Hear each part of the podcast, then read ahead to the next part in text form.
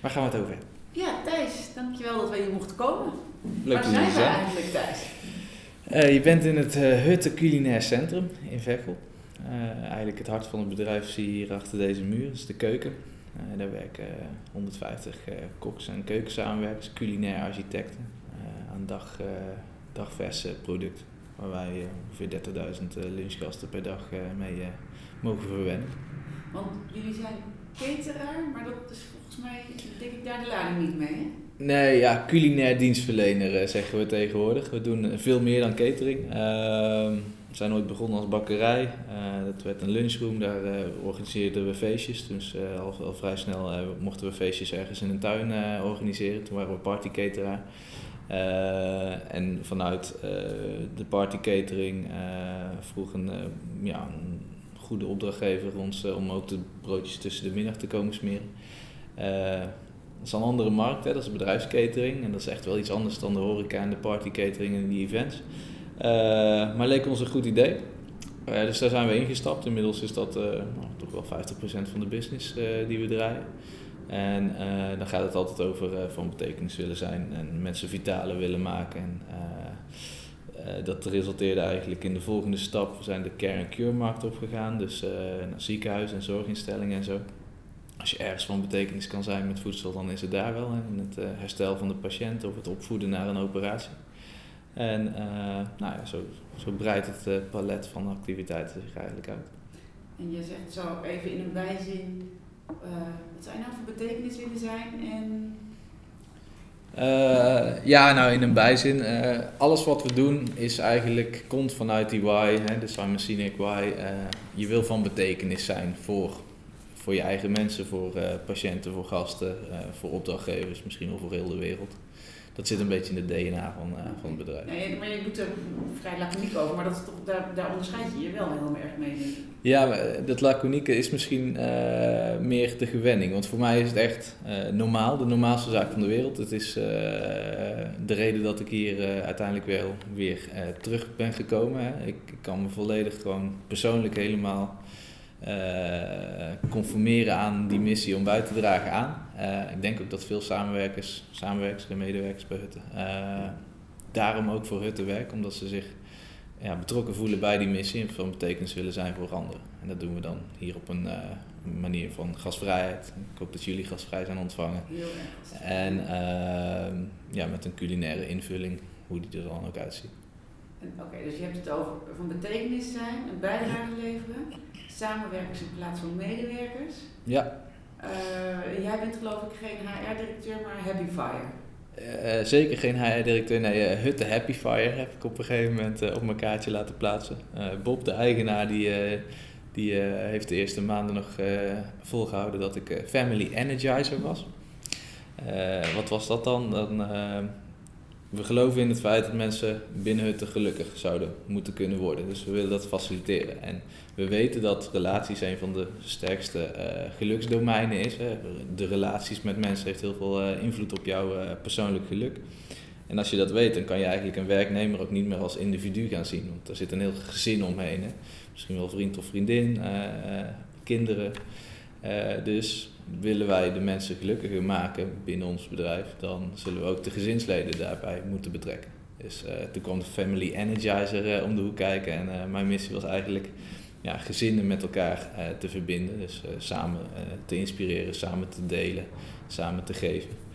En eh, nou ja, goed, dan heb ik er zelf van gemaakt. Volgens mij ben ik bezig met het beïnvloeden van het werkgeluk van onze mensen.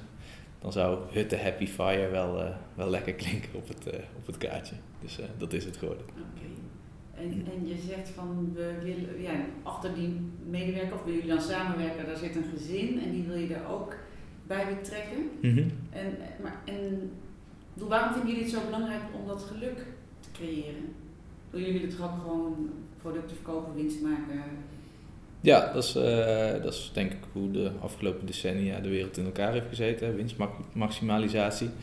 Ehm, maar dat eh, van betekenis willen zijn zit zo diep in dat DNA dat je daar misschien wel aan gaat twijfelen. Dus eh, nou, ik mag wel eens een, presentatie geven en dan probeer ik te schetsen hoe we de afgelopen tijd, jaren hebben gedacht. Hè. Veel geld verdienen, dan heb je groot huis en twee dikke auto's voor de deur en dan ben je succesvol. En dan is de resultante dat je gelukkig bent, zoals de, de Hollywoodster of de topondernemer of nou, de topsporter. en ik, ik, ik twijfel daar gewoon ontzettend aan. Ik denk dat die wereld aan het veranderen is uh, en dat we andere dingen belangrijker zijn gaan vinden. En dat het zo zou kunnen zijn dat we ehm, misschien wel die hele keten andersom moeten gaan zien. Dus dat we samen moeten proberen gelukkig te zijn. Dus een, een, gelukkig mens, wat, wat geluk dan ook is. Onze rare kapsel ook well-being of engagement of geluk. En, vind de definitie maar, maar we hebben het ongeveer over hetzelfde. Als, als mensen gelukkig zijn, zijn ze uh, productiever, uh, minder ziek, uh, innovatiever, dus creatiever. Eh, nou ja, goed, laten wij nou eens proberen hier inmiddels bijna 1800 samenwerkers gelukkig te maken. Dan kunnen ze hun talenten in gaan zetten in de breedste zin van het woord. Hè. We hebben een heel divers palet aan, aan mensen spoelkeuken samenwerkers tot hele slimme nou, financiële controllers en creatieve breinen. Iedereen heeft wel zijn talent, dat is het uitgangspunt van het bedrijf.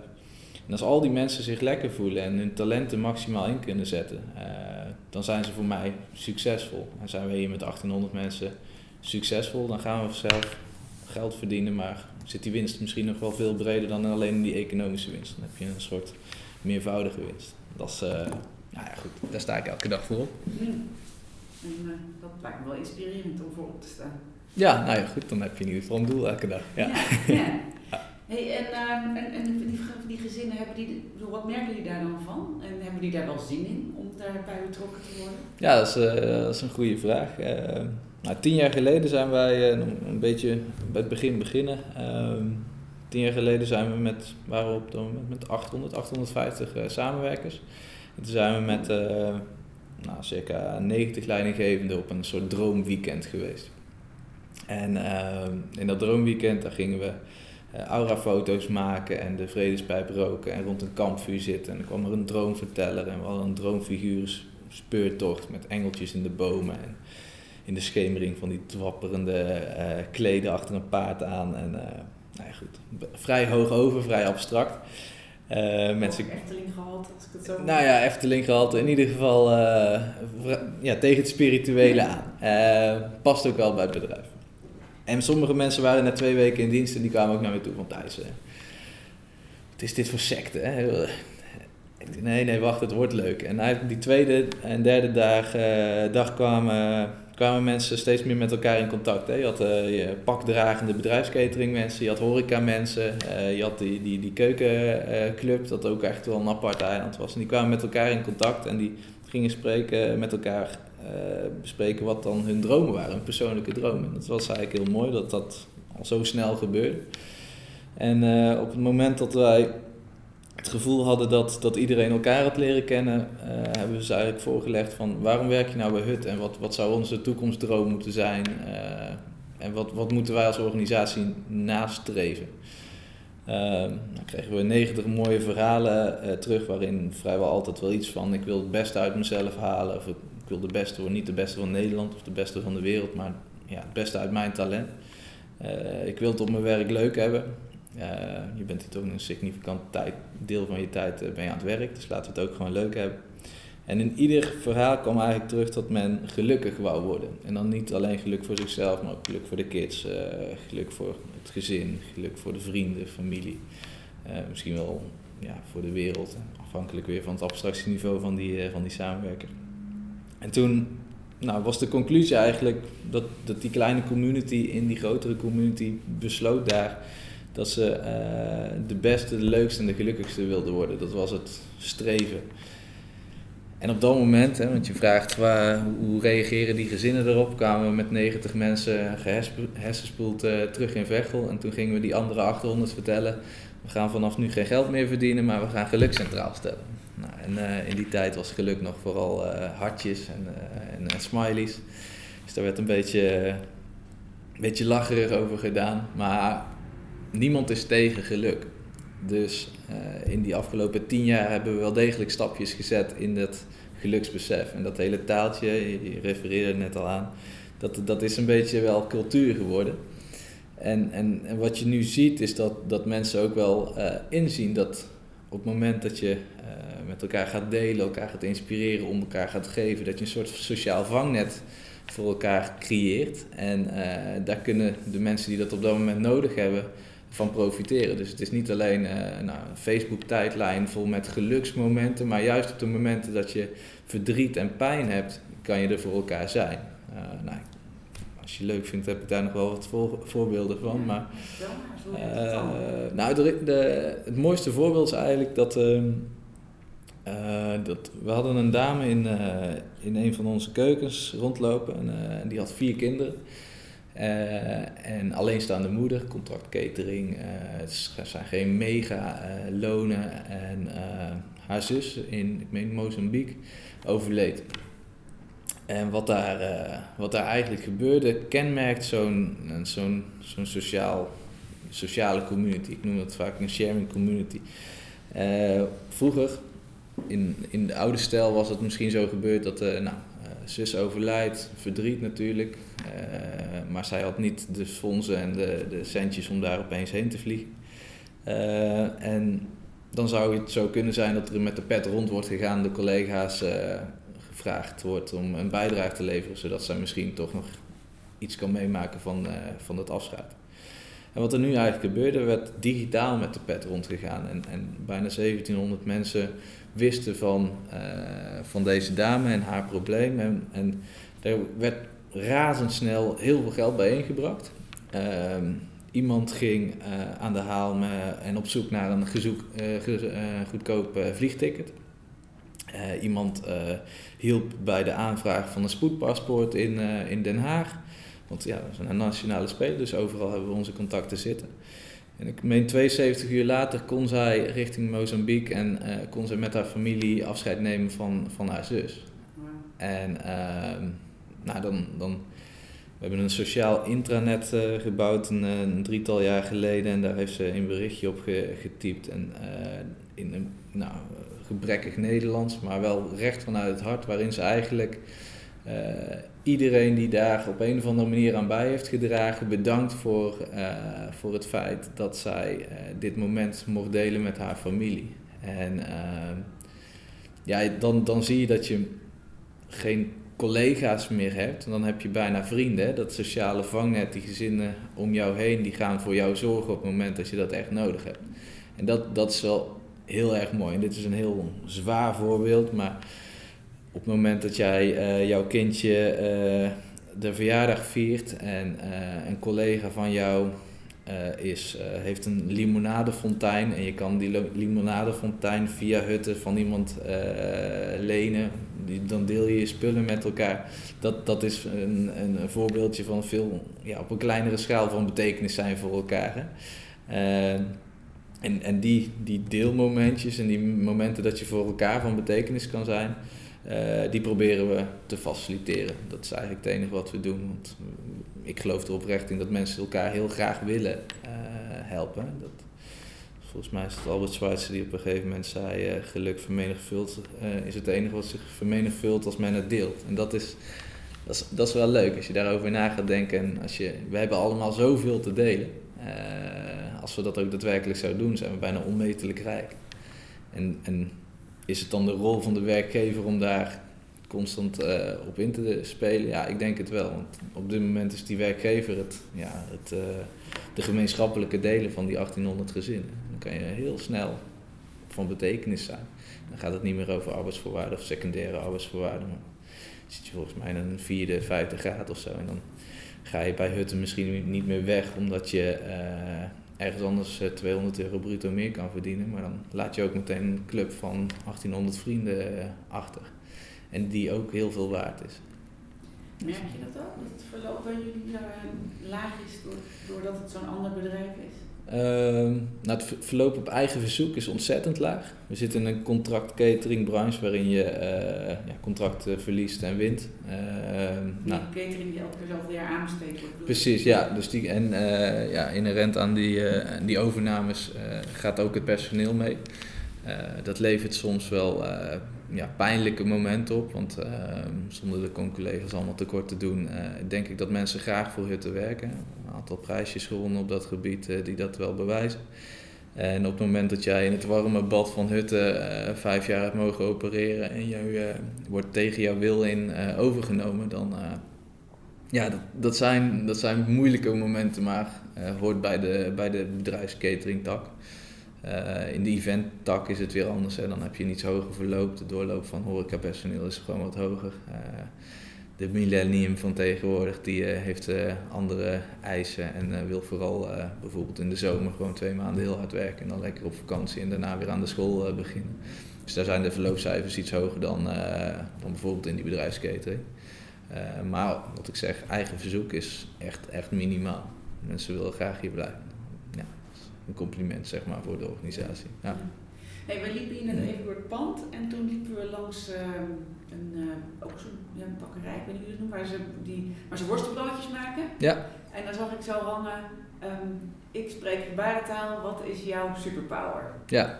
Kun je eens wat over vertellen? Dat is ook wel een bijzonder verhaal. Over, over de bakkerij? Ja, over de, ja, wat jullie daar doen. Nou ja, goed. Uh, iedereen heeft talent.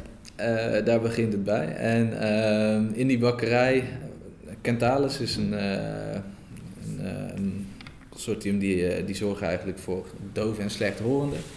En die hadden een zorgbakkerij. En nou, op het moment dat jij uitgeleerd bent op school, kon jij gaan werken in die zorgbakkerij.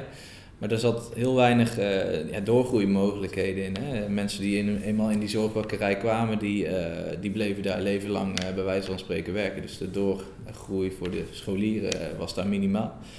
En Kentalis zocht eigenlijk een, een partner die die zorgbakkerij over wilde nemen. Nou, wij hebben behoorlijk wat monden te voeden elke dag. Veel inderdaad worstenbroodjes, maar koekjes.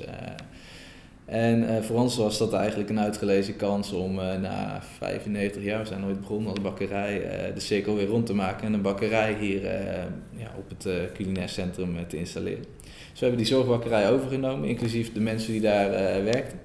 En um, ja, dat, dat maakt ontzettend trots, want je ziet nu mensen die volledig in hun kracht staan. Het zijn allemaal goede bakkers, ze hebben misschien iets minder gehoorcapaciteit, maar in het bakkersvak zijn ze, zijn ze excellent. We hebben daar een aantal uh, normale bakkers, mensen met wel... Uh, ja, horende bakkers, ja, mag helemaal geen normaal zeggen. Uh, naast gezet, die worden getraind in de begeleiding van. die krijgen gebare taaltrainingen. En ja, wat je daar ziet is een groep mensen die vol passie met hun vak bezig zijn. Wel of geen beperking maakt eigenlijk op dat moment niet meer uit. En mensen die uh, heel trots zijn dat ze eindelijk werk, of, ja, werknemer zijn van een echte organisatie. Niet meer in een, een zielig hoekje zitten. Ze, zijn, uh, ze, zijn, uh, ja, ze staan daar in hun kracht en worden gewaardeerd om het feit dat ze gewoon heel erg veel lekkere dingen kunnen bakken en maken. En dat maakt ze wel trots. Ja, mooi.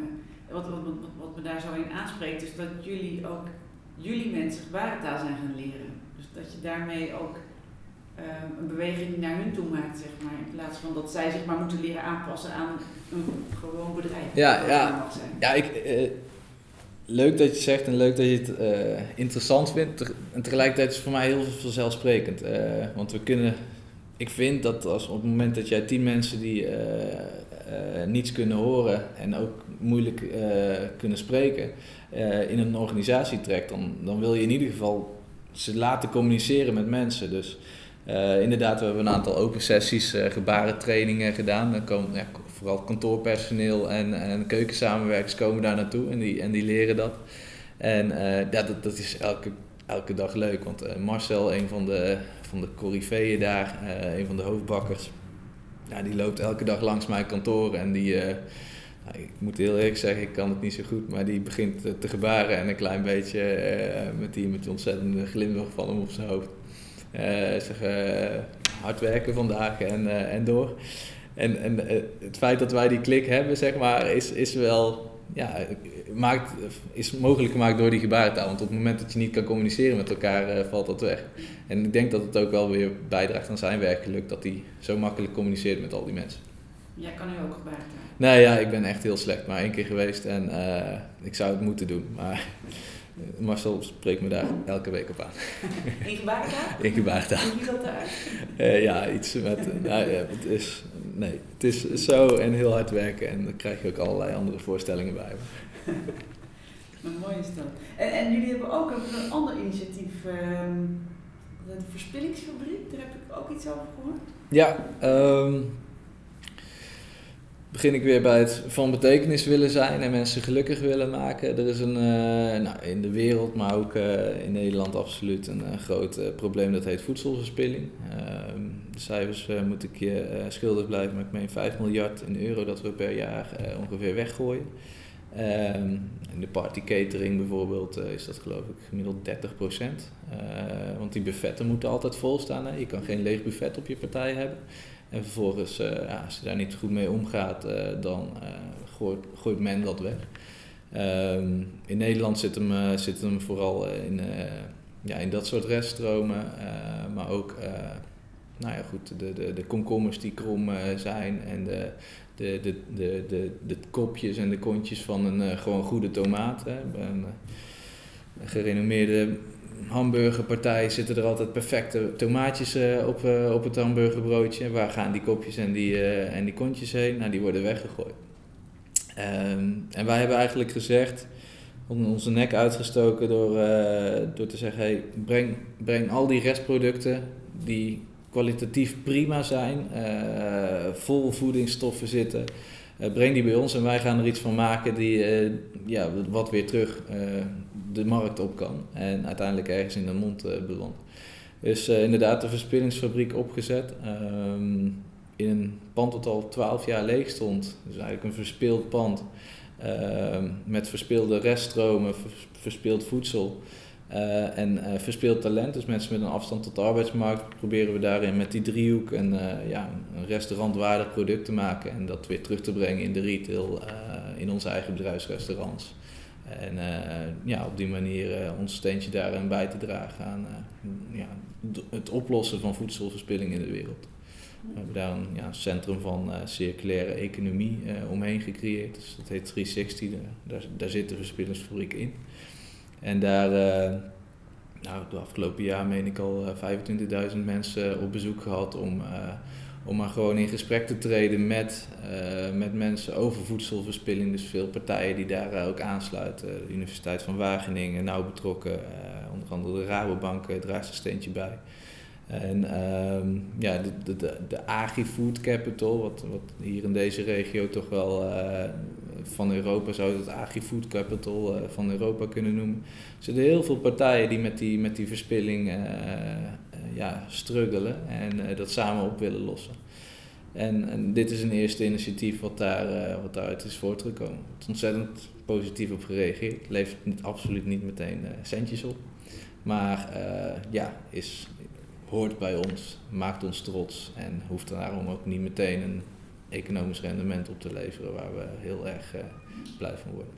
Dus wat je eigenlijk zegt, dat jullie dat doen vanuit een soort idealisme.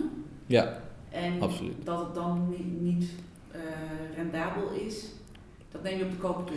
Nou, um, op de koop toe. Kijk, je kan, je kan geen uh, probleem op gaan lossen als je de continuïteit van het probleem. Uh, en als je het niet kan betalen, kan je het probleem op termijn ook niet op gaan lossen. Dus er zal uiteindelijk een rendabele business case moeten ontstaan.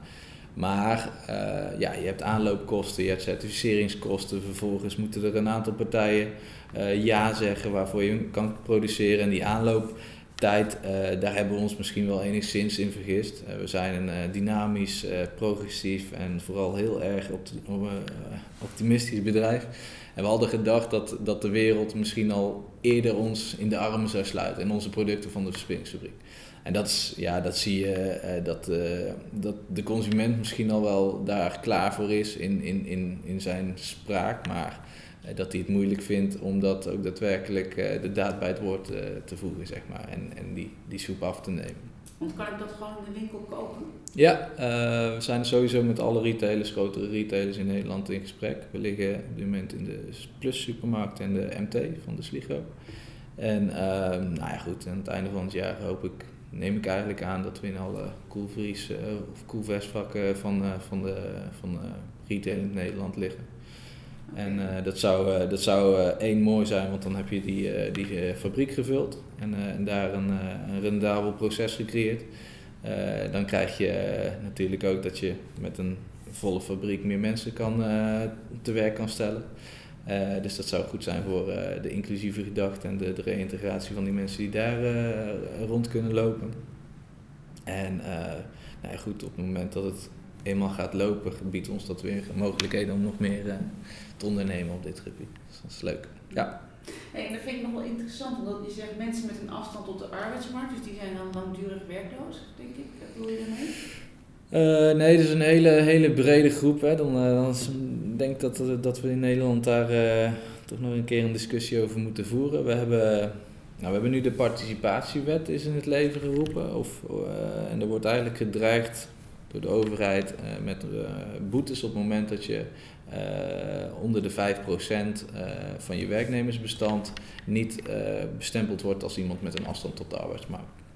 Dan hebben we het over eh, WW'ers of waarjongers of nou, eigenlijk groepen die door de overheid bestempeld met jullie hebben iets, jullie hebben een crash. Um, wij vinden dat dat veel te kort door de bocht is. Die 5% halen we met, met onze ogen dicht. dat zat na, namelijk al in ons bedrijf. Um, maar je zou ook moeten nadenken over nou, 55-plussers. Waar komen die nog aan de bak? Eh, misschien wel eh, jongeren met een eh, iets andere achtergrond dan, dan jij en ik. Ehm, ex-kankerpatiënten. Wie, wie, wie, wie durft nog het risico te nemen om iemand die kanker heeft gehad een, een contract aan te bieden? Uh, dat zijn doelgroepen die worden eigenlijk niet of nauwelijks beschermd, maar verdienen ze even, even goed de kans om weer aan het werk te gaan of te reïntegreren. En nou, we hebben nu een, een manager inclusiviteit aangenomen. Met ondersteuning van de Start Foundation. En, en, hem eigenlijk de opdracht gegeven. Maak van Hutte een van de meest inclusieve bedrijven van Nederland. En zorg ja, dat wij als misschien wel best practice locatie voor andere ondernemers en organisaties kunnen dienen. Om, om gewoon eens een kijkje in de keuken letterlijk te nemen van hoe, hoe doen wij dat dan. dat we daar een soort voorbeeldfunctie in krijgen. En um, nou, dan, ook daarin zie je weer de, de, de betrokkenheid van onze mensen die, die, die Hutte hebben gekozen um, om wat Hutte voor staat. Hè, dat van betekenis willen zijn. Dat er opeens overal initiatieven zijn waarbij mensen zeggen: Ja, ik, ik, inderdaad, mijn moeder uh, komt nergens meer aan de bak. Kunnen we daar, hoe kunnen we haar helpen? Uh, statushouders. Hè, uh, er is een groot koksprobleem in Nederland, of misschien wel in de, in, in de wereld dadelijk. Echt de ambachtelijke culinaire architecten die zijn moeilijk te vinden. Nou, van die 15.000 uh, geregistreerde asielzoekers bij het COA, daar zullen sowieso een aantal koks bij zitten. Ik heb koks nodig. Uh, kan ik ze dan hier niet laten koken? Uh, misschien zijn het andere recepturen. Zal natuurlijk een taalbarrière zijn, maar daar kunnen we iets in betekenen. Als mensen de taal uh, moeten leren, dan hebben we hier een, iemand die, eh, die zijn Nederlandse les kan geven. En um, die mensen voelen zich op dat moment serieus genomen en vooral ook weer nuttig. Hè. Ze hebben, je, ontstaat toch, je ontleent toch een bepaald bestaansrecht aan werk, dat je je nuttig maakt voor. En op het moment dat wij nou, bijvoorbeeld die statushouders dat recht ontnemen, om, omdat ze in het asielzoekerscentrum moeten blijven en hun passie niet mogen uitvoeren of kunnen voeren, ja, dan doen we iets fout. Dus uh, dat zijn gebieden waar we wel proberen om ook nog uh, iets bij te dragen. Klinkt echt bijna te mooi om waar te zijn, dat ik jou zo hoor vertellen. Ja, dat hoor ik vaker. ik zou zeggen, loop een keer mee. ja, ik heb het ook gezien, maar ja. als, als jij zo vertelt, klinkt het heel simpel. En denk je, maar waarom gebeurt het, al, waarom gebeurt het niet ja, maar dat, dat, is met die hele geluksvisie, hè? van, van uh, uh, geld, uh, succes, geluk en andersom geluk, succes, misschien wel geld. Um, op buikgevoel weet je dat het klopt. dat wij in, in, in allerlei systemen onszelf hebben gemanoeuvreerd die dat niet meer logisch maken. ja, dat, dat is een resultanten van het denken wat we de afgelopen jaren hebben aangehangen. De hele economische, uh, heel de economie is gebouwd op winstmaximalisatie. En het gaat goed als je groeit en een bedrijf, het succes van een bedrijf wordt afgemeten aan zijn, uh, resultaat voor belastingen, bij wijze van spreken.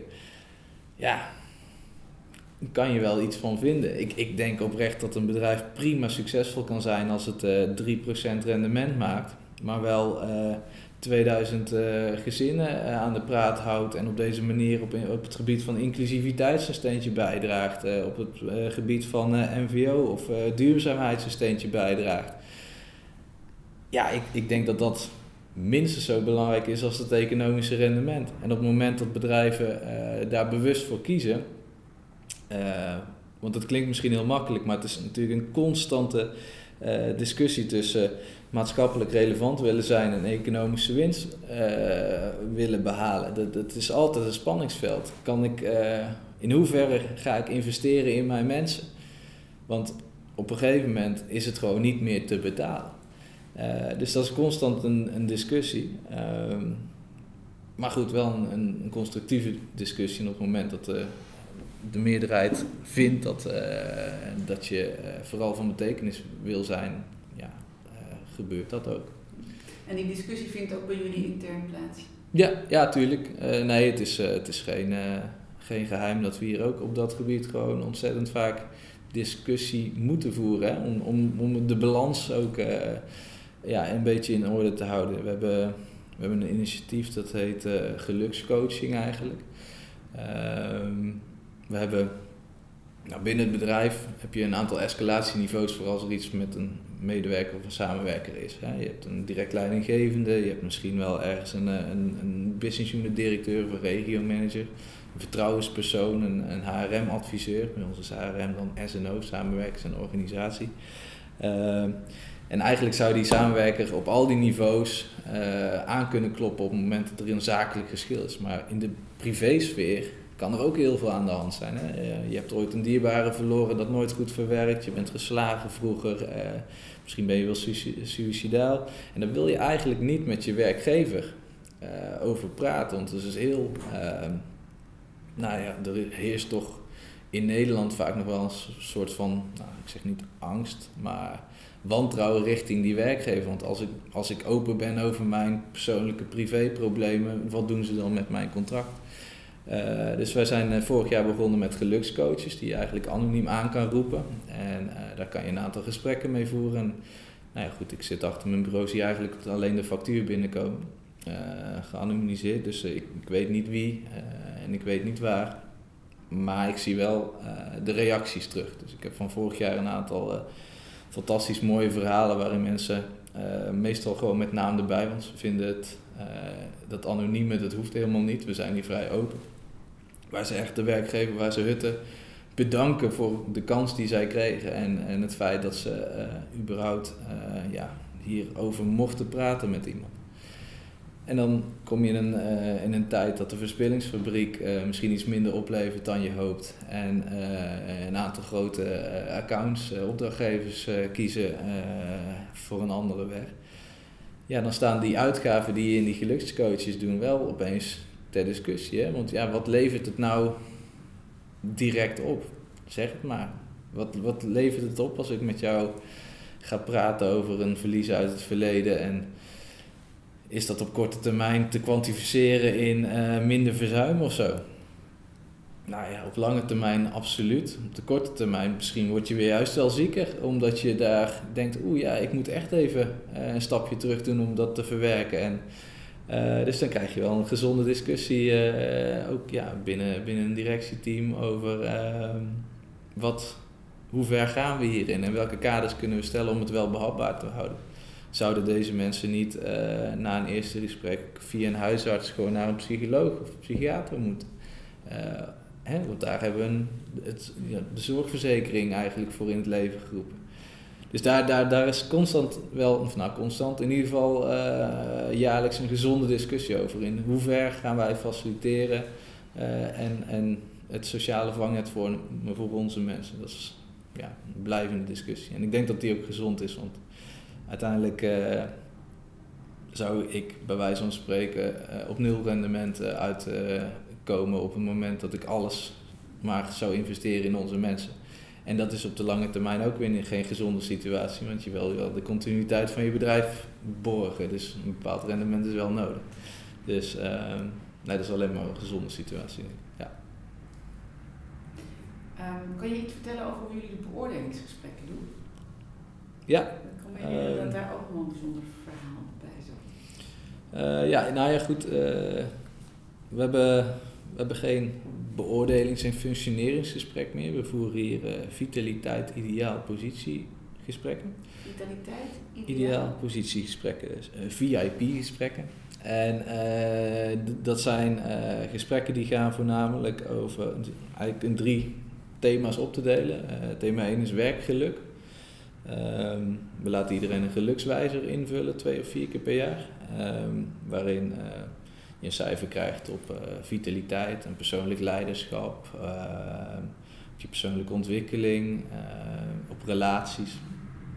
En daar, in dat eerste half uur van dat gesprek ga je eigenlijk daarop in, op de cijfers en de domeinen die daarin worden genoemd. En we zeggen niet, jij moet, als je een 8 voor vitaliteit hebt, moet je naar een 9 streven of zo. En als je een 4 hebt, hoef je van mij ook echt niet per se naar die, naar die, naar die 6. Maar het, als er een moment is om tegen jouw leidinggevende of met jouw leidinggevende te, te spreken over het feit dat jij eigenlijk stiekem meer zou willen sporten of zou willen stoppen met roken, dan, dan creëren we eigenlijk daar dat moment. En, wat je ziet is door bepaalde thema's te bespreken, dat, dat men toch daar ook een bepaald geluks gevoel uithaalt. Dus uh, op het moment dat onze relatie niet zo goed zou zijn en we zouden daar eerlijk over uh, kunnen spreken, dan creëren we daar toch mee een band. En, en ik zeg niet dat die relatie dan opeens super is, maar hij is in ieder geval beter dan voor het gesprek.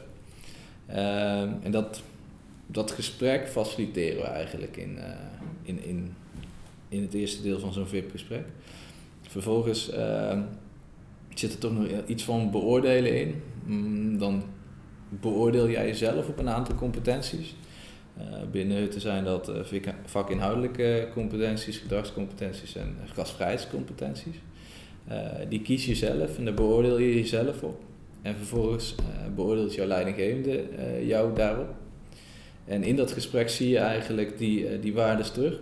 En nou, kan je, als de waardes relatief gelijk zijn, hoef je daar niet te lang bij stil te staan. Maar zit er een heel groot uh, verschil uh, in, in een, groot, een discrepantie tussen jouw antwoord en de beoordeling van je leidinggevende, dan kun je daar in ieder geval je zienswijze daarop plaatsen. En uh, creëer, creëer je ook weer een goed gesprek over, over functioneren. Maar veel belangrijker is eigenlijk nog het, de beoordeling van jou voor je leidinggevende. Dus jij je leidinggevende beoordeelt? Ja. Ehm, daarin zou, je, zou je kunnen vermoeden dat men snel een zesje of een zes en halfje eh, geeft. Hè? Want dan, uh, nou, uh, topleidinggevende, dankjewel voor het afgelopen, afgelopen maanden. Ik geef je een zes, een zes en half, dan ben ik van het gezeik af. Ik, ik geloof er heilig in dat je dan eigenlijk het gesprek uit de weg gaat. Uh, of juist een 9 geven, want dan vindt hij me tenminste aardig of zo. Een, een 9, ja, maar een 9, we hebben, we hebben het zo zo omschreven dat een 6 dan voldoen je aan de verwachtingen. Uh, een 7 of een 8 uh, eh, overstijg je regelmatig de verwachtingen. En de, de 9 is uh, ex, ja, is echt fantastisch. Kom je nooit meer tegen. Dus die 9 zijn zeldzaam. Um, maar wat ik, wat ik dan doe is eigenlijk, ik zet ze op een normaalverdeling, al die, al die beoordelingen. En dan zie je al vrij snel wie er in de, in de laagste 50% zit en wie in die hogere 50%. En dan vervolgens creëren we het gesprek meestal tussen het hogere segment en, en het lagere segment. Dus je, krijgt, je hebt hier de traditionele leidinggevenden, die hebben meestal uh, nou, een, een, score tot de 6,5. Dat zijn uh, misschien wel de, de, ja, de, de ouderwetse leidinggevenden die lijstjes opstellen en, en, controleren, misschien wel een klein beetje bevelend overkomen. En die, en die nieuwe leiders uh, zijn bijna aanvoerders die, uh, die het team op sleeptouw nemen, die, uh, die inspireren en die verbinden. En eh, wat wel leuk is, is dat je op het moment dat je die twee groepen bij elkaar zet of, of buddy systemen creëert, dat, dat mensen ja, heel snel van elkaar kunnen leren. Dus we hadden het heel even gehad over, over materiaal delen en, en, en van betekenis zijn in, in materiële zin voor elkaar. Maar dit is eigenlijk kennis delen. En nou ja, goed, dat, dat, dat heeft zijn resultant en dat maakt dat wij ontzettend goede leidinggevenden hebben. En dan moet ik uiteraard het verhaal nog afmaken met een derde thema. Dus we hebben uh, geluk gehad, een stukje beoordelen. En dan vervolgens kijk je eigenlijk naar je talentontwikkeling of je loopbaanperspectief.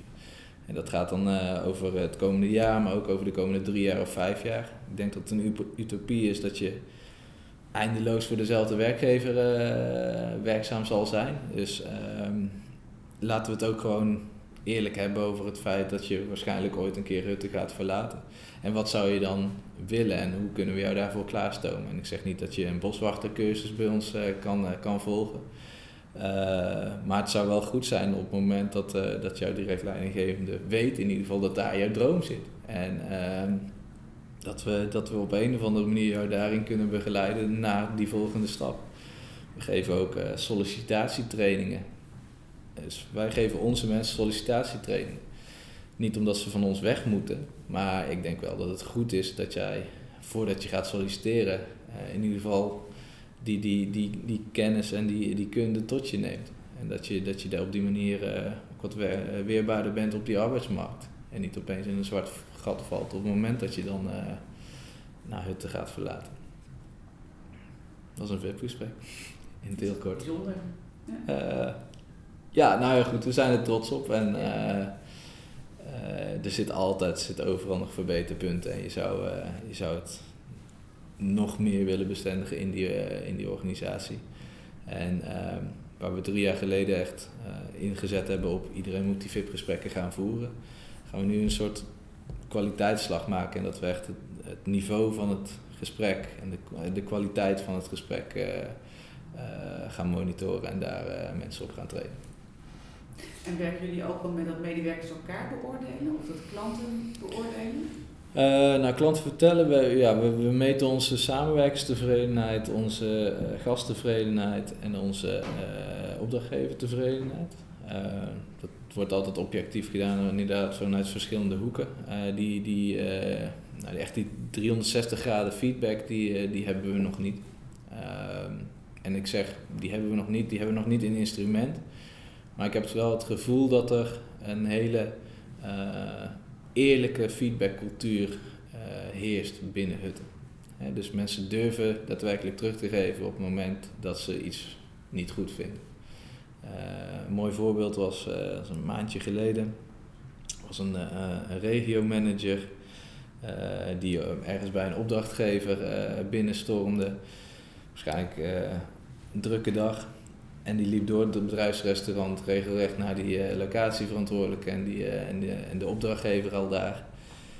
En uh, die locatieverantwoordelijke die keek hem aan en die zei, ja maar ho eens, loop je nou door het restaurant zonder iedereen te begroeten? Dus die liepen direct terug.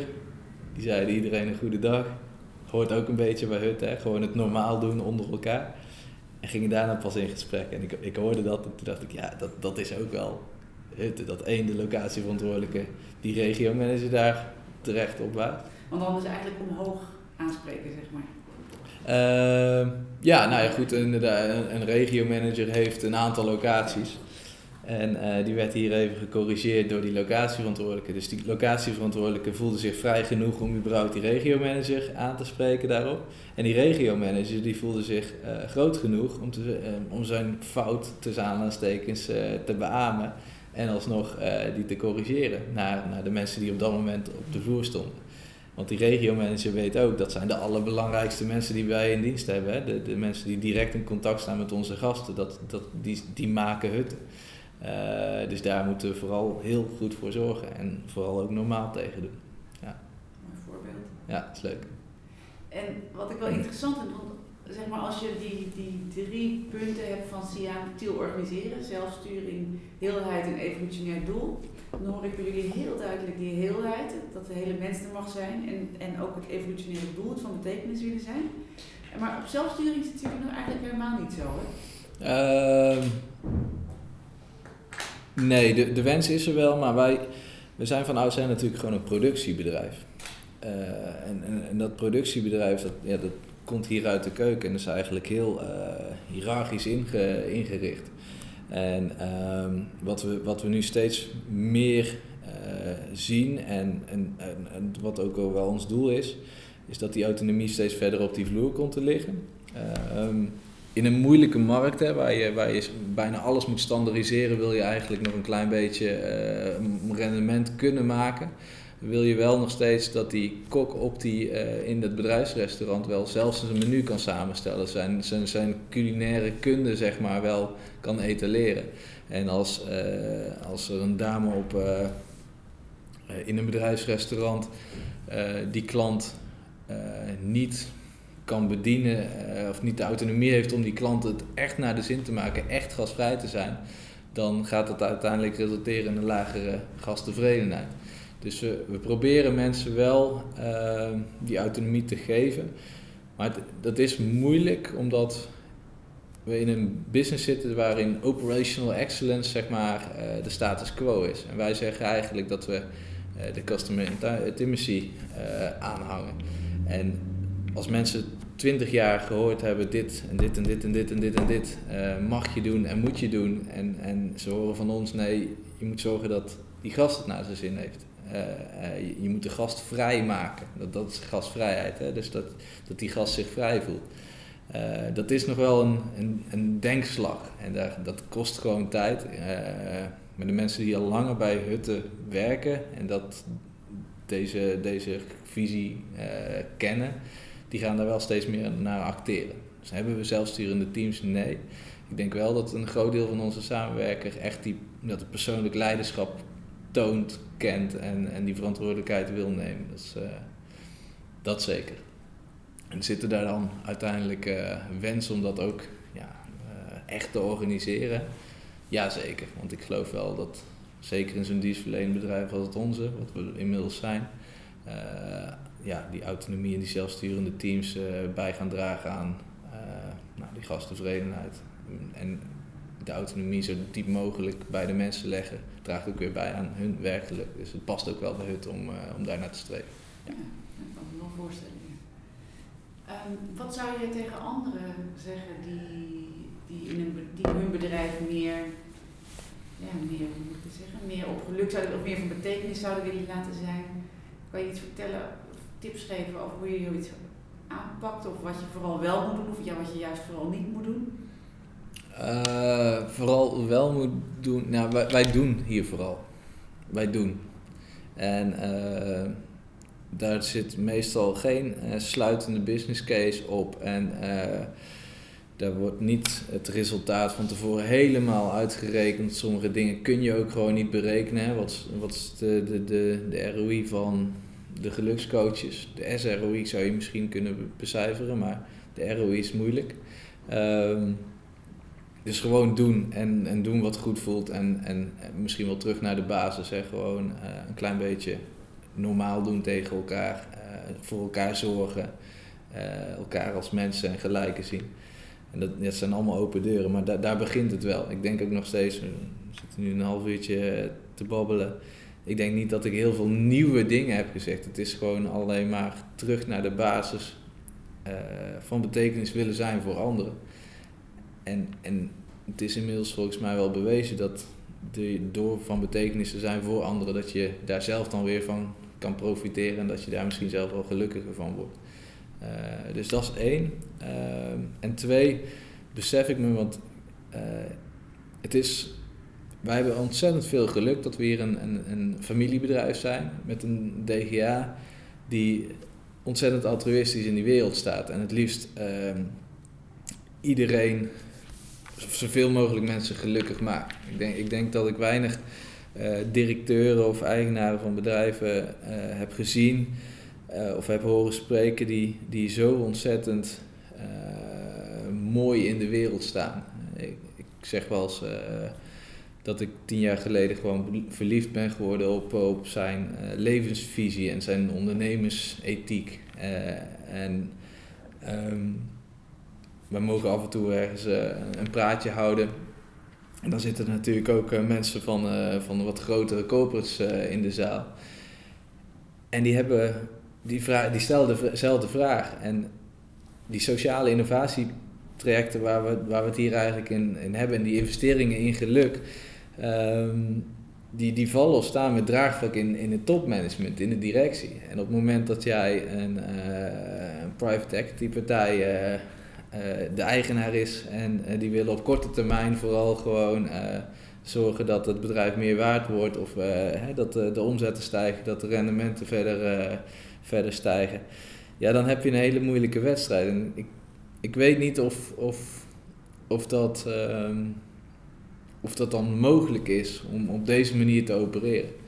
Dat het op de lange termijn uh, zijn resultaat zal geven, daar, daar twijfel ik niet aan. Hè. We zijn tien jaar geleden begonnen in een krimpende markt. De afgelopen tien jaar, uh, eh, 16% is die markt gekrompen. Wij zijn steeds met 11% gegroeid.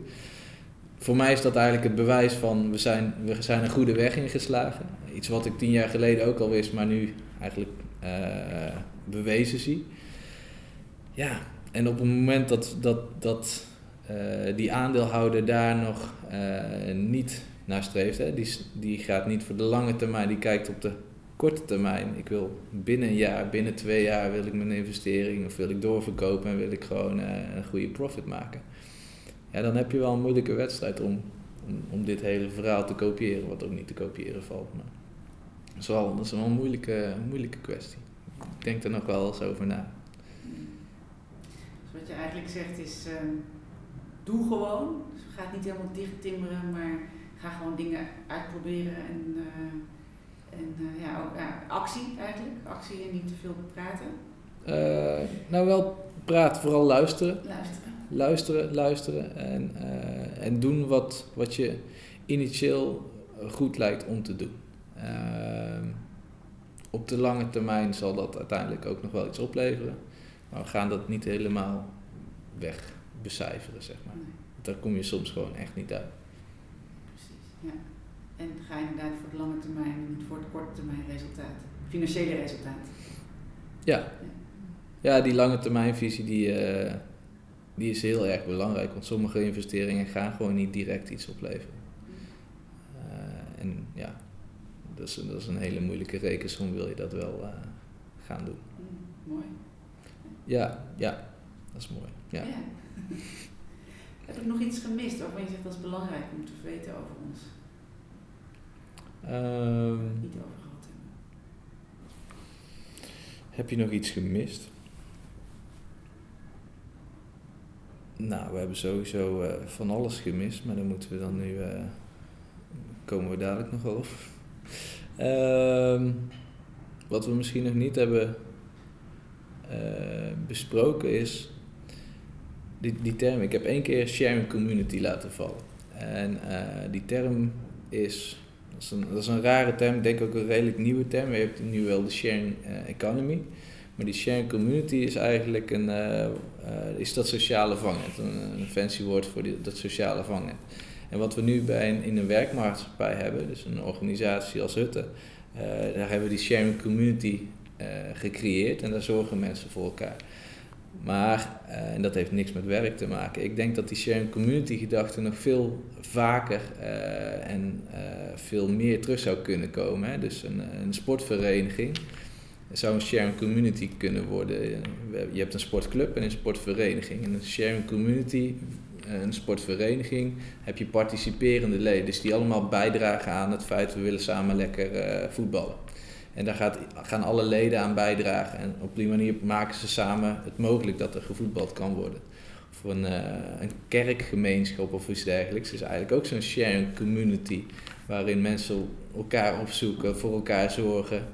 Uh, en, en je kan hem zo groot maken als je wil. Hè. Op, het moment dat wij in, in een uh, in een land als sharing community zouden opereren, waarin we dus niet alleen maar naar ons eigen uh, portemonneetje kijken en ons eigen geluk, maar gewoon iets meer om elkaar gaan geven, dan krijg je een hele, hele, hele, hele mooie wereld. Daar ben ik echt van overtuigd. En dan, dan is het niet, uh, nou, je ziet wel eens iets over een financiële crisis en misschien heb je wel een maatschappelijke crisis nu met, uh, met populistische leiders die eigenlijk alleen maar eigen mensen gaan. Hè, dat is geregeerd door angst. Maar hoe mooi zou het zijn als we nou eens juist wel die, die slag gaan maken en voor elkaar gaan zorgen.